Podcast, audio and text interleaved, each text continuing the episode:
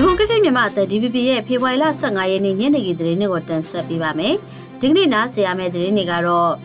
PDF တပ်တွေထိန်းချုပ်ထားတဲ့ကော်လင်းမျိုးကိုစစ်ကောင်စီတပ်ကပြန်လည်သိမ်းပိုက်လိုက်တဲ့သတင်း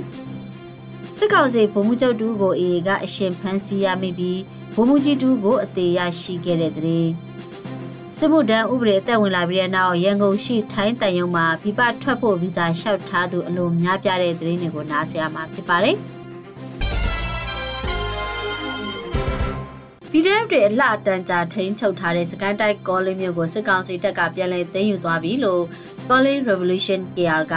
ဖေဖော်ဝါရီလ23ရက်နေ့မှာအတည်ပြုပါတယ်။ဇရယ်လကုံပိုင်းကစာပြေစစ်ကောင်စီကကောလင်းမြို့ကိုအင်အားသုံးတိုက်ခတ်ခဲ့တာဖြစ်ပြီးအချိန်နှစ်ပတ်အတွင်းမှာပြန်လည်သိမ်းယူခဲ့တာဖြစ်ပါတယ်။ကောလင်းမြို့ရဲ့နီးဝန်းကျင်မှာတော့မြို့ခံတထောင်ခွဲကျော်စစ်ဘေးတင်နေရပြီးစာနာရိတ်ခါလမ်းကြောင်းတွေပိတ်ဆို့နေတယ်လို့ဒေသခံတွေကပြောပြပါဗျ။ စစ်ကောင်စီရဲ့ထိုးစစ်သတင်းကိုပြည်သူတွေကကြိုတင်ရရှိခဲ့တဲ့အတွက်ဘေးလွတ်ရာကိုတိမ်းရှောင်နိုင်ခဲ့ပေမဲ့မြို့ကိုတော့လက်လွတ်လိုက်ရပါတယ်။စကိုင်းတိုင်းမှာကောလင်းခပ်ပတ်ရွှေပြေးမော်လူမျိုးတွေကိုတော်လှန်ရေးအားစုတွေက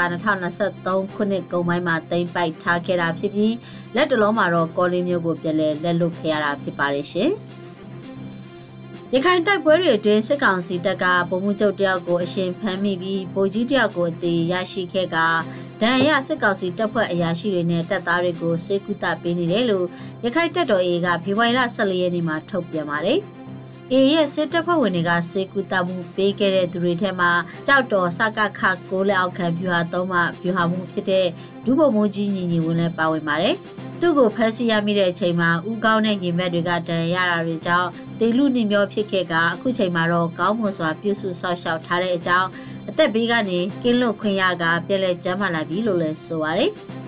တမ17တမမှုဘိုးကြီးမင်းမင်းထုံးကတော့ဖေဖော်ဝါရီလ9ရက်နေ့မြောက်ဦးခမရ3ခုခွန်အားတိုင်းခတ်သိမ့်ပိုက်နေစဉ်အတွင်းကဲဆဲချိန်မရလိုက်ပဲအသေးရရှိခဲ့ပါတယ်။စကကကိုတမမှုဘုံမှုချုပ်စော်မင်းထုံးကတော့ကြောက်တော်မြို့နယ်အပောက်ဝရွာနီးရေချောင်းတိုက်ပွဲမှာအသက်လူပြေးလာချိန်တပ်ဖွဲ့ဝင်တချို့နဲ့အတူအရှင်လက်ရဖမ်းမိခဲ့တာလို့အေးကထုတ်ပြန်ထားပါတယ်။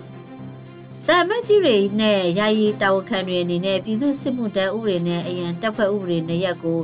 ခြေခြေမြင့်မြင့်သိရှိအောင်လေ့လာကြပြီးသက်ဆိုင်ရာနိုင်ငံတွေမှာရှင်းလင်းပြောကြားကြဖို့စစ်ကောင်ဆောင်ကပြောလိုက်ပါတယ်။စစ်ကောင်ဆောင်ဟာပြပနိုင်ငံတွေမှာတာဝန်ထမ်းဆောင်နေတဲ့တမတ်ကြီးတွေနဲ့တန်ယုံယာယီတာဝန်ခံတွေကိုမနေ့မနက်ကနေပြီးတော့မှခေါ်ယူတွေ့ဆုံပြီးပြောကြားခဲ့တာဖြစ်ပါတယ်။ ပြည်သူစစ်မှုတန်းဥပဒေနဲ့အရန်တပ်ဖွဲ့ဥပဒေကိုနိုင်ငံတော်မှာဖြစ်ပေါ်နေတဲ့အခြေအနေတွေအရထုတ်ပြန်ခဲ့ကြောင်းနိုင်ငံသားတိုင်းမှာနိုင်ငံတော်အကာအကွယ်ပေးဖို့တာဝန်ရှိလို့ပြည်သူစစ်မှုတန်းဥပဒေကိုအရင်ကတည်းကထုတ်ပြန်ခဲ့တာဖြစ်ကြောင်းစစ်ကောင်ဆောင်ကပြောပါတယ်။အရန်တပ်ဖွဲ့ဥပဒေနဲ့ပတ်သက်လို့လည်းစစ်မှုထမ်းဟောင်းအားလုံးကိုပြန်လည်ခေါ်ယူမယ်လို့မဆိုလိုပဲခေါ်တစ်ခေါ်ထိုက်သူတွေကိုသာပြန်ခေါ်ယူတာဝန်ပေးရပါမယ်။ ဒီဥပဒေနဲ့ရက်ကိုအကောင့်ထဲပေါ်ဆောင်ရွက်ခြင်းအဖြစ်ကာကွယ်ရေးအအားကိုတိုးမြင့်လာစေမယ်လို့ဆိုပါတယ်ရှင်။နေပြည်တော်နဲ့ပြည်နယ်နဲ့တိုင်းဒေသကြီးပြည်သူစစ်မှုထမ်းစစ်ခေါ်ရေးအဖွဲ့တွေကိုထပ်မံဖွဲ့စည်းကြောင်းစစ်ကောင်စီကဖေဖော်ဝါရီလ14ရက်နေ့မှာကြေညာလိုက်ပါတယ်။နေပြည်တော်ကောင်စီပြည်သူစစ်မှုထမ်းစစ်ခေါ်ရေးအဖွဲ့ကိုအဖွဲ့ဝင်9ဦးနဲ့ဖွဲ့စည်းလိုက်တာဖြစ်ပြီးအဖွဲ့ခေါင်းဆောင်ဖြစ်နေပြီးတော့ကောင်စီဥက္ကဋ္ဌကတာဝန်ယူမှာဖြစ်က နေပြီးတော့တိုင်းစစ်ဌာနချုပ်ဒူတိုင်မှုနေပြီးတော့ထွေအုပ်နဲ့နေပြီးတော့ကောင်စီဝင်တွေပါဝင်ပါတယ်။အလားတူပြည်နယ်နဲ့တိုင်းဒေသကြီးပြည်သူ့စစ်မှုထမ်းစင့်ခေါ်ရေးအဖွဲ့ကိုလည်းပြည်နယ်နဲ့တိုင်းဝန်ကြီးချုပ်တွေကဦးဆောင်က